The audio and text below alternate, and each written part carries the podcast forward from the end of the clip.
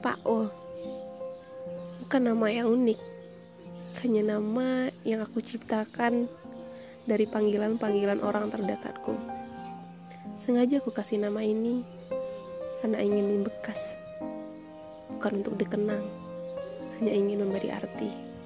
Mari kita mulai menceritakan tentang bagaimana kita, perasaan kita, dan cerita-cerita yang terjadi kepada Paul sampai hari ini.